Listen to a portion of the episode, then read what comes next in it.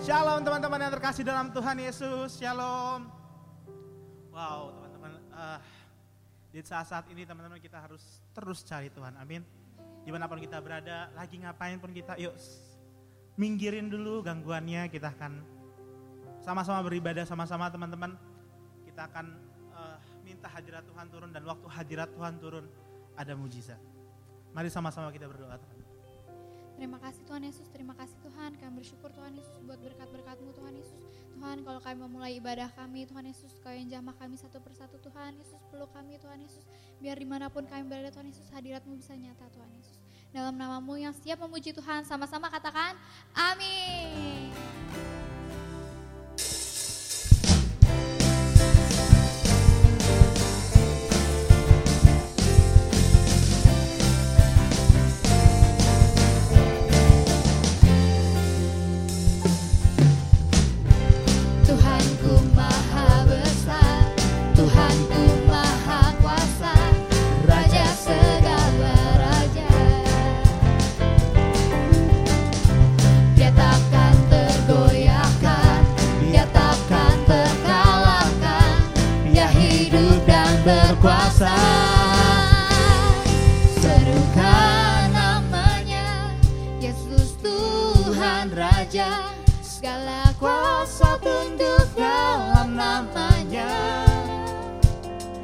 Yahweh.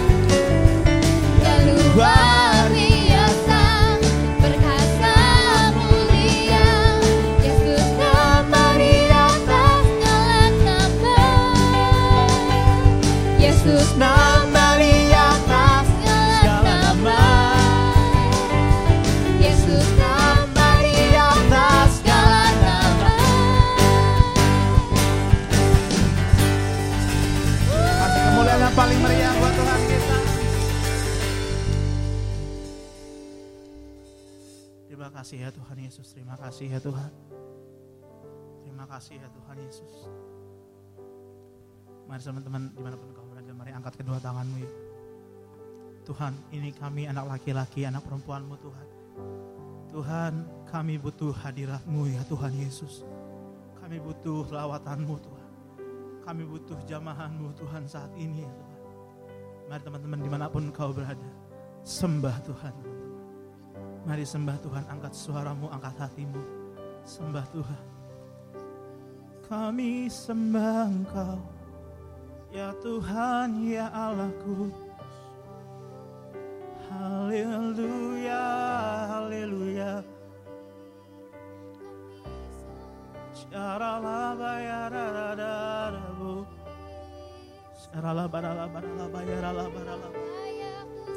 Sembah Tuhan teman-teman.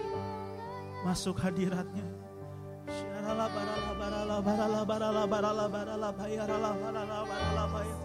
Oh Tuhan ya Allahku. Ya Tuhan kami sembah Engkau Allah. Yesus kami sembah. Barala barala barala barala barala barala barala barala barala bayarala barala. Ya Tuhan, ya Tuhan, hadiratmu, hadiratmu, ya Tuhan. Barala barala barala barala barala barala barala. Kami butuh Engkau ya Tuhan. Kami butuh hadiratmu ya Tuhan. Oh, oh, oh, haleluya, haleluya.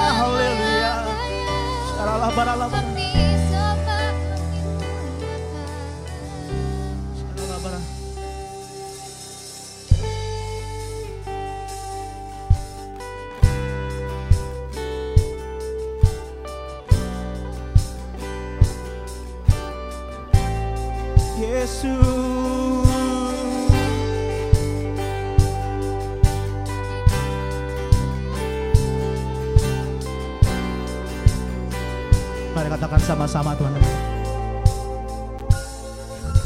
Bapakku datang dan berserah. Ku nyatakan Kau yang berkuasa. Dalam gelap Kau setia. Kau cahaya Sama-sama angkat tangan kita katakan sama Tuhan Kau kuatkan Aku bertahan. Kau harapan dalam kesesakan. Ya Tuhan kau buktikan kesetiaanmu. Tuhan engkau Allah iman sekali lagi katakan kau kuatkan kau kuatkan. Yes Lord. Kau harapan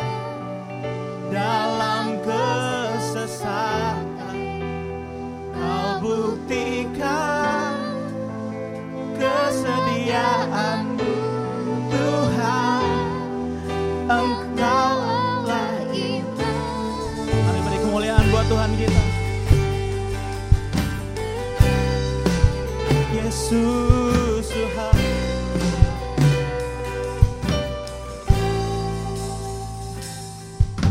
Bapakku datang dan berserah. Ku nyatakan kau yang Katakan dalam lemah Dalam lemah. Kau sempurna Kau se Kau cahaya bagiku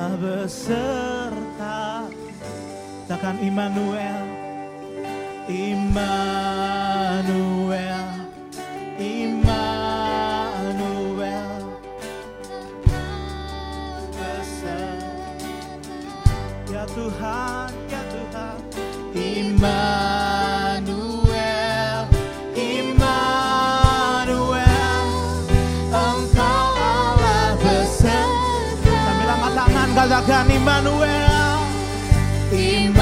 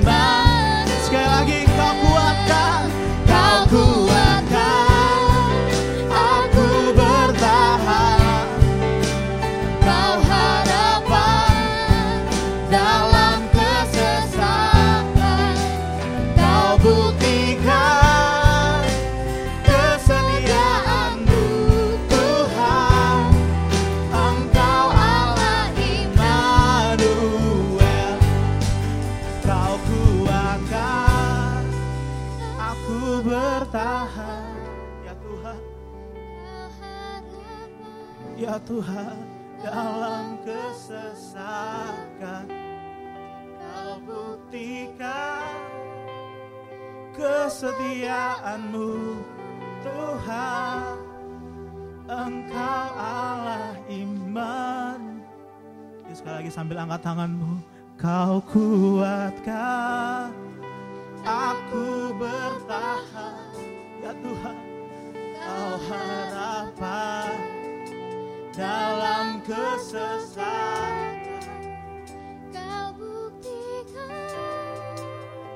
kesediaanmu. Tuhan Engkau Allah imanu Kau kuat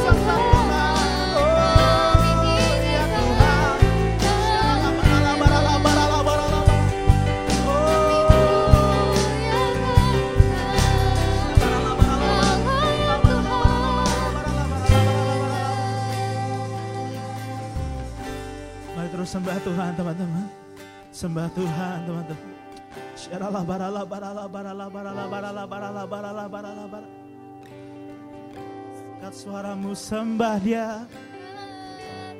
Allah yang besar.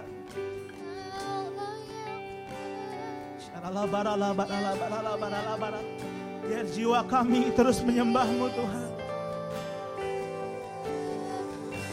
Barala barala barala barala barala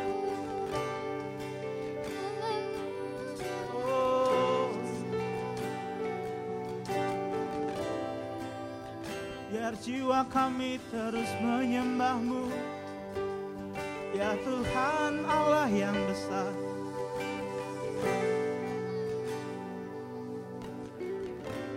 Dancing my soul My Savior God to thee. How great thou art How great thou art. How great thou art. And sings my soul, thy Savior God. How great.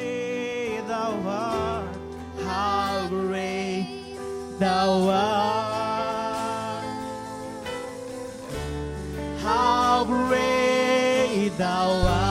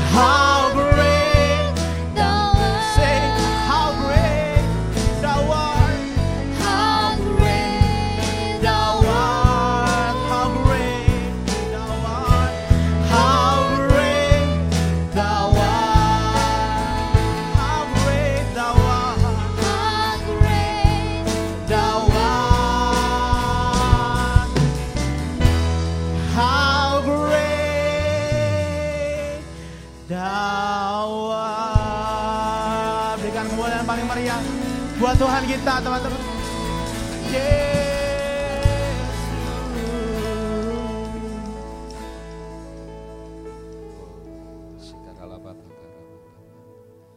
Terima kasih Tuhan, Kau sungguh Allah yang luar biasa Tuhan. Pada saat ini Tuhan, biar Engkau berbicara kepada setiap kami anak-anak mudamu. Dan kami boleh menjadi pendengar dan pelaku-pelaku firman-Mu. Kami percaya firman Tuhan akan mengubahkan setiap kami ya Tuhan. Membangkitkan setiap kami. Terpuji namamu Bapa dalam nama Yesus. Haleluya. Sama-sama katakan. Amin. Puji Tuhan. Shalom anak muda. Kita bersyukur masih diberi kesempatan oleh Tuhan untuk boleh sama-sama merenungkan firman Tuhan meskipun kita ada di rumah. Tidak menjadi halangan untuk kita boleh merenungkan firman Tuhan, menangkap rema dari Tuhan, dan kemudian melakukan apa yang Tuhan perintahkan. Hari ini Om Rudi akan merenungkan, kita sama-sama merenungkan, Om Rudi kasih judul Finishing Generation, ya generasi yang menuntaskan, ya menuntaskan apa? Generasi yang bagaimana, ya kita tahu bahwa setiap generasi Tuhan itu bekerja. Jangan lupa, setiap generasi Tuhan itu bekerja. Karena dalam kisah Rasul pasal 3 ayat 21, Kristus duduk di surga ya, di sebelah kanan Allah Bapa, lalu ber, dimulailah masa pemulihan, pemulihan gereja. Jadi tiap generasi demi generasi itu Tuhan terus bekerja sampai nanti pada saat terakhir pengangkatan gereja. Ya, diharapkan gereja menjadi gereja yang sempurna, gereja yang dewasa dan berakhirlah ya perjalanan di muka bumi ini. Oke, Om Rudi akan baca dalam kisah Rasul pasal yang ke-13 ayat yang ke-36. Kisah Rasul pasal yang ke-13 ayat yang ke-36. Ayatnya berkata demikian. Sebab Daud melakukan kehendak Allah pada zamannya. Lalu ia mangkat dan dibaringkan di samping nenek moyangnya dan ia memang diserahkan kepada kebinasaan atau meninggal dunia, ya. Jadi di sini ayat ini mengatakan sebab Daud melakukan kehendak Tuhan pada zamannya. Ya, Om Rudi pakai ambil kalimat di sini, ambil kata di sini pada zamannya, ya. Jadi rupanya orang-orang itu punya zaman masing-masing, ya. Kenapa kita hidup di tahun antara akhir tahun 2000, 1900 ya, mungkin ada yang sudah eh, lahir tahun 898, 99 ya, lalu di atas 2000 ya, kebanyakan kita anak-anak muda di situs. Nah, kita punya zaman di saat ini. Kayak Om Rudi ini lahir di tahun 70-an, ya. Ada orang yang lebih tahu eh, lebih tua lahir di tahun 60-an. Ada yang lahir di tahun 20-an. Ada orang yang sudah sangat tua lahir di tahun 1890 sekian begitu, ya. Nah, eh, setiap orang itu hidup pada zaman masing-masing. Kalau dipikir begini, ah kayaknya enak hidup di zaman dulu ya. Suasananya lebih aman, lebih nyaman, lebih damai, ya. Atau eh, berapa puluh tahun yang lalu, ya sayangnya kita nggak bisa memilih waktu di mana kita dilahirkan, ya. Apalagi sekarang yang sedang berapa udah berapa hari nih ya kita ada di rumah gitu. Mungkin ada 50 hari kita ada di rumah terus-menerus. Dan kita pikir kayaknya enak zaman dulu deh. E, ya enggak juga. Setiap zaman punya masalah masing-masing, ya. Memang yang sekarang ini terjadi masalah yang sangat spesial, ya. Karena belum pernah terjadi e, eh, 100 tahun terakhir di mana orang di di rumah saja berpuluh-puluh hari begitu. Oke. Jadi Tuhan itu punya zaman buat orang masing-masing. Nah kalau dipikirkan begini, saya hidup, kita hidup di eh, akhir tahun 1900, kenapa kita nggak hidup di zaman misalnya, zaman kerajaan Majapahit, kerajaan Sriwijaya, atau kita nggak hidup di zaman yang lebih lama lagi, tahun 300, 400 begitu. ya? Nah, jawabannya kita nggak tahu. Tapi kita ambil begini, Tuhan itu punya waktu buat orang-orangnya. Ya. Nah, ketika Tuhan yang menciptakan kita semua punya waktu buat orang-orangnya, Tuhan berarti sudah menetapkan si A akan lahir hidup pada tahun segini. Si B akan lahir, ya coba kita sekarang balik. Kalau kita lahir di tahun di mana peperangan terjadi, pasti rasanya nggak enak. Ya, situasi perang. Kita hidup di mana eh, keributan-keributan terjadi, suku-suku masih saling menyerang dan sebagainya, pasti itu situasi yang tidak enak. Ya. Nah, Tuhan tahu situasi yang mana buat setiap orang. Jadi sekarang kita hidup pada zaman kita, ya, zaman saya. Katakan sama-sama zaman saya.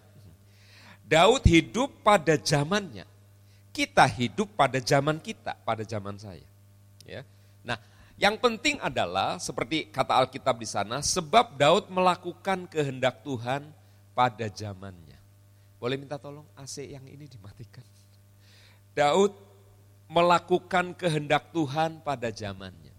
Jadi masalahnya adalah bukan pada zaman mana kita kita hidup, tapi bagaimana saya dan saudara menjalani kehidupan ini. Oke? Okay?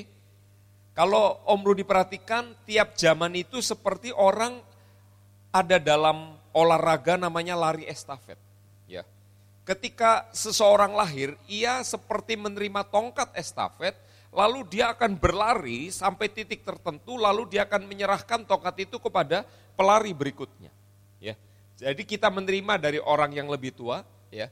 Kita menerima orang yang lebih tua, tongkat estafet itu, lalu kita lari lalu kita akan menyerahkan kepada generasi sesudah kita. Nah, masalahnya adalah bagaimana cara kita berlari, ya.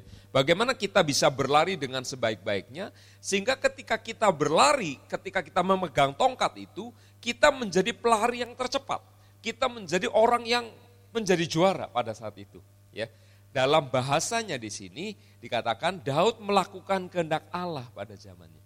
Jadi ketika kita di dihadirkan Tuhan di muka bumi ini, kita menerima sebuah tongkat estafet dari generasi sebelum kita, dan kita harus melakukan kalimat ini, melakukan kehendak Tuhan pada zaman kita, dan nanti zaman belum selesai, kita akan menyerahkan tongkat itu ya eh, kepada pelari berikutnya. Dan mereka diharapkan bisa lebih lagi dan lebih lagi melipat gandakan apa yang kita kerjakan. Ini yang banyak orang tidak menyadari ya Orang hanya berpikir begini, saya hidup, lalu cari uang, ya. Mungkin anak-anak muda sedang cari pekerjaan, yang sudah pe dapat pekerjaan sedang mengumpulkan uang, ya. Apalagi dalam kondisi sekarang, ya. yang sudah dapat pekerjaan pun bisa uh, kena PHK begitu ya. Oke, apa pun keadaannya kita harus sadar nih ya bahwa ketika kita menerima tongkat itu dari pelari sebelumnya itu orang tua kita dalam hal rohani dari orang tua rohani kita, bapak rohani, ibu rohani kita. Maka kita harus berlari ya. Artinya kita menjadi pelaku firman, kita melakukan kehendak Tuhan pada zaman kita sampai nanti akhirnya satu hari kita akan mendekati garis finish kehidupan kita, kita menyerahkan tongkat itu kepada generasi berikutnya. Nah, ketika kita menyerahkan, kita berharap bahwa apa yang sudah kita kerjakan itu nanti akan dilipat gandakan lagi juga oleh generasi berikutnya. Kalau sekarang kita hidup, kita sudah menerima tongkat itu, maka seharusnya kita ini melipat gandakan apa yang sudah kita terima dari orang yang sebelum kita. Seharusnya seperti itu. Ya. Mari kita memikirkan itu ya. Kita sudah menerima sesuatu dari orang sebelum kita, maka kita sedang melipat gandakan. Atau at least kita melakukan yang terbaik yang bisa kita lakukan yang namanya kehendak Tuhan ini. Karena memang kehidupan itu seperti itu. Kita tidak hidup sendirian di alam semesta ini, muter-muter, muter-muter, ngikutin gaya revolusi dan rotasinya bumi, lalu satu hari kita meninggal. Rasanya enggak begitu, dan tidak seharusnya seperti itu. Kita terima sebuah tongkat, ya. Dalam hal ini anggaplah Om Rudi ini generasi sebelum kalian, Om Rudi me menginvestasikan banyak hal dalam kehidupan kerohanian kalian.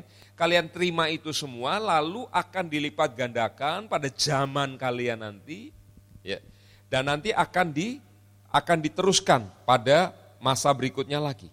Ya, jadi itulah yang harus terjadi. Ya. Jadi Tuhan itu pengen saya dan saudara kita semua ini menjadi orang yang melakukan kehendaknya, kehendak Tuhan pada zaman kita. Ya, lalu dikatakan Daud lalu ia mangkat atau lalu ia meninggal. Jadi dari sini jadi perenunganlah buat kita masing-masing.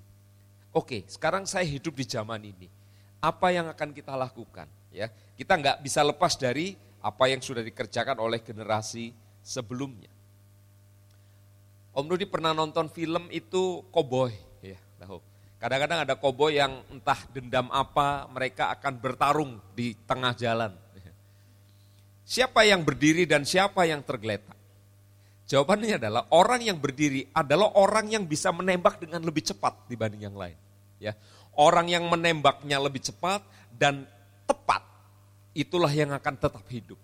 Sementara yang lebih lambat akan mati, ya, karena dia sudah ketembak duluan. Pada zaman sebelumnya, orang yang bermain pedang, ya, itu orang yang pintar bermain pedang, dia akan hidup, dan orang yang kurang pintar akan dikalahkan. Jadi setiap zaman itu ada masa, ada cara bertahan hidup masing-masing. Nah di zaman ini rasanya kita nggak perlu jadi penembak tepat atau orang yang pintar bermain pedang. Tapi ada hal lain yang kita harus ahli di sana. Om Rudi ambil contoh dulu dari beberapa orang di dalam Alkitab. Mari kita ingat pada zaman Yusuf.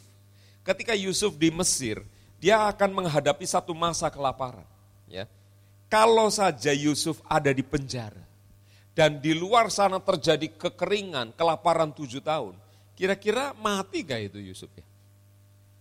Ya boro-boro ngasih makan narapidana. Ya. Masyarakat Mesir aja pasti banyak yang mati gara-gara kurang makan. Pasti yang namanya narapidana. Apalagi orang asing seperti Yusuf pasti akan mati juga di penjara. Tapi Tuhan menanam yang namanya hikmat dalam hidup Yusuf. Dan dalam perjalanannya Yusuf dari satu tempat rumah perbudakan di Potifar, masuk ke penjara dan akhirnya ke istana Fir'aun. Itu adalah perjalanan di mana Tuhan sudah menaruh sesuatu di dalam Yusuf. Ya, hari ini judulnya adalah finishing generation, generasi yang menuntaskan. Menuntaskan apa? Untuk masanya Yusuf, Tuhan sudah taruh sesuatu namanya hikmat dalam hati Yusuf, dalam pikiran Yusuf, dalam dirinya Yusuf. Dan ketika itu sedang dibutuhkan pada masa itu, ingat pada zaman Yusuf tidak dibutuhkan orang yang nembaknya tepat, orang yang jago main pedang. Tapi orang yang penuh dengan hikmat Tuhan, hikmat Tuhan, sehingga dia bisa mengelola, memanage ya masa kelimpahan dan masa kelaparan. Bagaimana mengelola, memanage masa kelimpahan tujuh tahun dan kelaparan tujuh tahun? Itu enggak bukan oleh ahli pedang, ahli panah, tapi orang yang punya hikmat. Ya, jadi tiap zaman membutuhkan eh, kebutuhan memiliki kebutuhan yang berbeda-beda, membutuhkan orang dengan skill atau sesuatu yang berbeda. Ya. Jadi Yusuf dengan hikmat yang Tuhan berikan, dia bisa mengelola dalam tujuh tahun apa yang mesti dikerjakan sesuai mimpinya Fir'aun. Lalu dalam tujuh tahun kelaparan apa yang mesti dilakukan? Jadi mengelola ya manajemen itu adalah sebuah skill yang sangat luar biasa. Dan itu menyelamatkan orang Mesir, itu juga menyelamatkan Yusuf sendiri, dan juga menyelamatkan keluarganya yang waktu itu masih tinggal di Kanaan. Ya, Jadi hikmat dalam mengelola itu membuat Yusuf sampai pada akhirnya dia menuntaskan, ingat, dia menuntaskan tugas atau kehendak Tuhan pada zamannya. Ya. Sejarah itu sudah terjadi. Bagaimana kalau Yusuf tidak dijual oleh eh, saudaranya, abang-abangnya? Bagaimana kalau Yusuf tidak masuk penjara? Ya, itu semua sebuah pengandaian-pengandaian yang tidak terjadi. Karena faktanya Yusuf mengalami semua itu. Oke, Yusuf mengalami semua yang tidak enak, tidak enak itu sampai me, mengantarkan dia sampai pada satu titik dia di depan, berdiri di hadapan Fir'aun. Tapi itu belum akhirnya. Dia harus menuntaskan. Dengan apa? Hikmat yang Tuhan taruh dalam dirinya.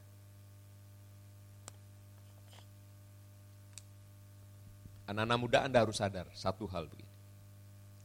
Masa depanmu itu sebetulnya bukan ada di luar sana. Masa depanmu itu ada di mana? Di dalam diri kita. Cuma bentuknya kayak benih. Ya. Benih itu masih berupa potensi di dalam kita. Nah, benih itu akan bertumbuh ketika lingkungannya tepat. Ketika Yusuf menghadapi tujuh tahun masa, kan dia menafsirkan mimpinya Fir'aun. Tujuh tahun masa kelimpahan dan nanti akan ada tujuh tahun masa kekeringan yang akan seolah-olah menelan semua kelimpahan itu nggak ada bekasnya. Wah itu kelimpa, eh, ke, masa kelaparan yang sangat mengerikan. Kita nggak pernah ngalamin itu. Sampai tujuh tahun kering itu nggak pernah gitu ya. Sak kering-keringnya mungkin 8 bulan, empat bulan kemudian kita ngalami lagi musim penghujan. Itu di Indonesia seperti itu. Ya. Ini tujuh tahun, nah dibutuhkan satu keahlian untuk mengelola itu, masa itu. Kelimpahan dan kelaparan. Ya. Dan itu ada di dalam, katakan di dalam ya.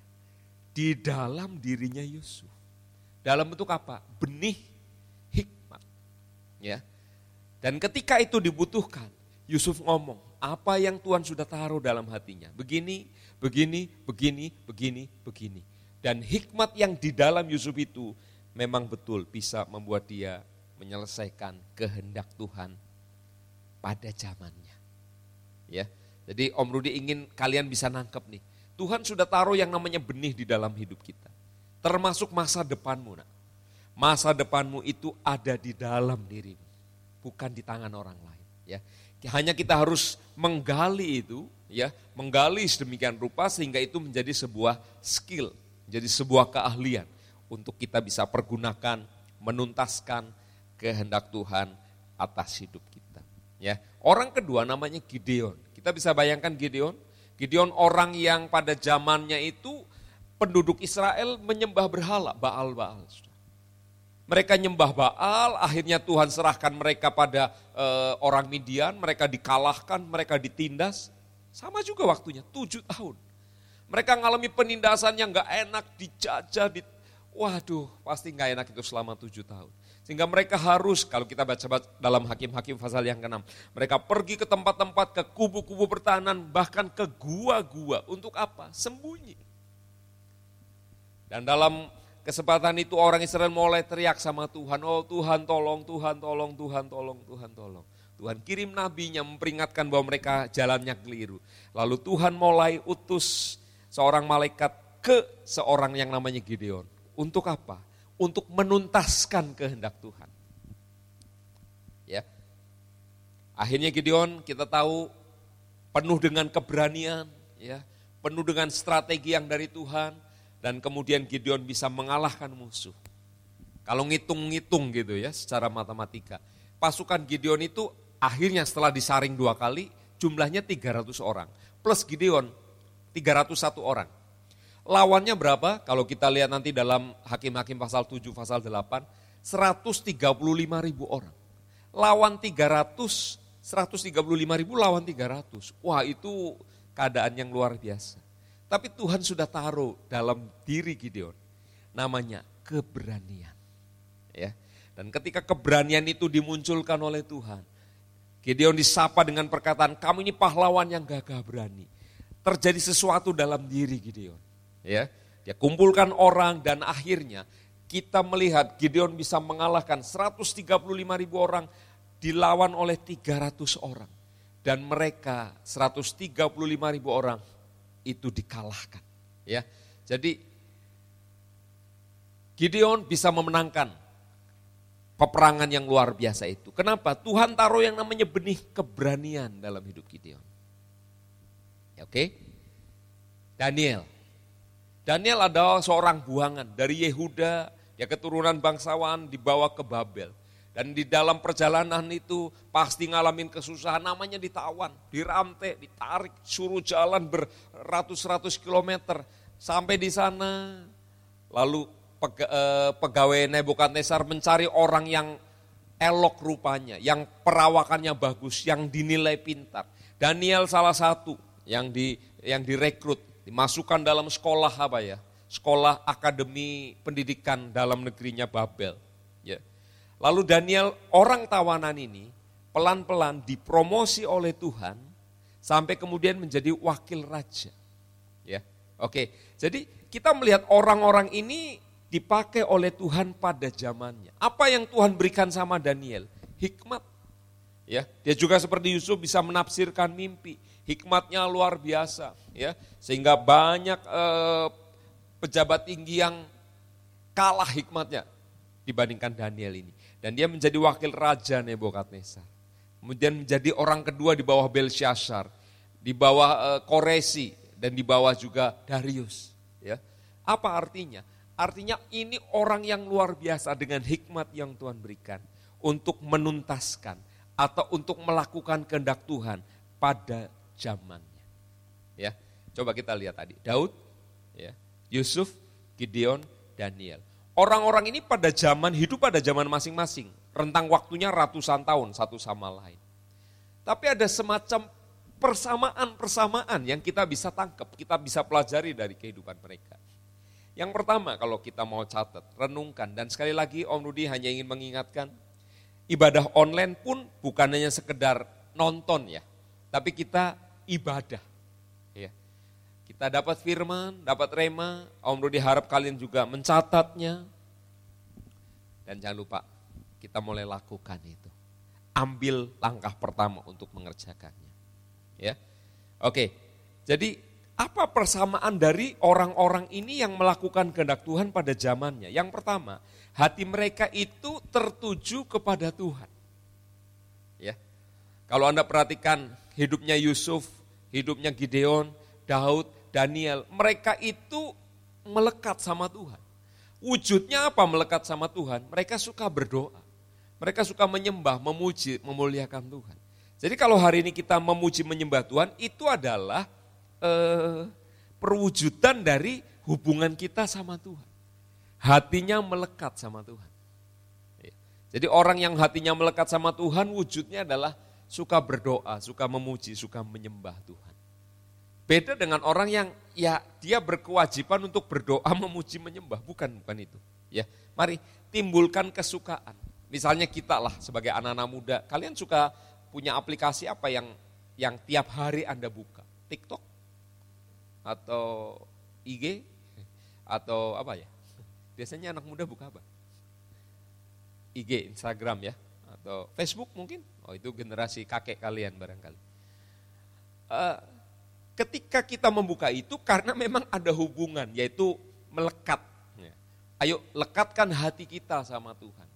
Para tokoh Alkitab yang menjadi orang-orang yang melakukan kehendak pada jam kehendak Tuhan pada zamannya, mereka hatinya pertama melekat sama Tuhan. Yang kedua, mereka punya memang punya kemauan untuk melakukan kehendak Tuhan. Ya.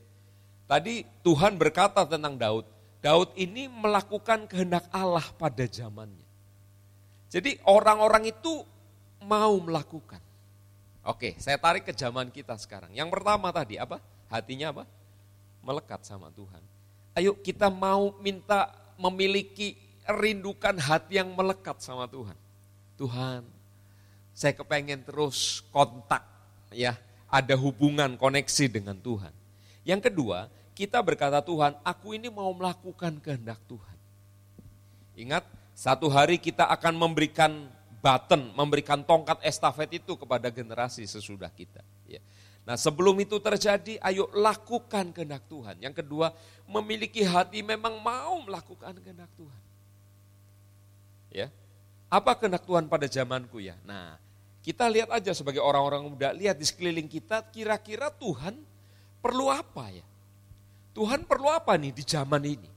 Oh Tuhan perlu orang yang punya keahlian begini. Lalu doa Tuhan, aku mau Tuhan. Menjadi orang yang menjadi jawaban atas kebutuhan itu di zaman ini. Nah ketika kita melakukannya, disebut kita ini orang yang menuntaskan tugas itu. Finishing generation. Ya. Yang ketiga, orang-orang ini punya kesamaan apa? Mereka dikuasai oleh roh kudus. Kalau Anda perhatikan, Fir'aun sampai bilang gini sama Yusuf, mungkinkah kita mendapatkan orang seperti ini yang diurapi, yang dikuasai, yang penuh dengan roh Allah. Daniel penuh dengan roh Allah. Daud dikuasai oleh roh Allah. Gideon dikuasai oleh roh Allah. Nah, biar kita juga dikuasai oleh roh kudus dalam hidup kita. Ya, sehingga kita punya kuasa untuk melakukan apa yang Tuhan kehendaki dalam kehidupan kita di generasi ini. Oke, apa persamaan mereka? Yang pertama hatinya apa? Melekat sama Tuhan. Yang kedua, mereka punya kerinduan, Tuhan aku mau Tuhan melakukan kehendak Tuhan di zaman ini. Yang ketiga, biar aku juga dipenuhi roh kudus untuk bisa melakukan. Ingat, namanya corona, keuangan yang kurang, eh, kesulitan dalam hidup, eh, masalah dan pencobaan semua ada dengan berbagai variasi di setiap zaman. Oke. Nah, orang-orang yang menuntaskan kehendak Tuhan ini kalau kita lihat mereka juga adalah para pemenang pada zamannya. Kita menghadapi hal yang juga tidak gampang hari ini. Tapi saya percaya bahwa kita bisa menuntaskan perjalanan kita ini. Ya, dengan modal tiga hal itu, ayo minta supaya kita melekat sama Tuhan. Kita minta hati untuk melakukan kehendak ya. Lalu kita minta diurapi Roh Kudus. Saya percaya nanti kita akan menjadi orang-orang yang menuntaskan ya the finishing generation.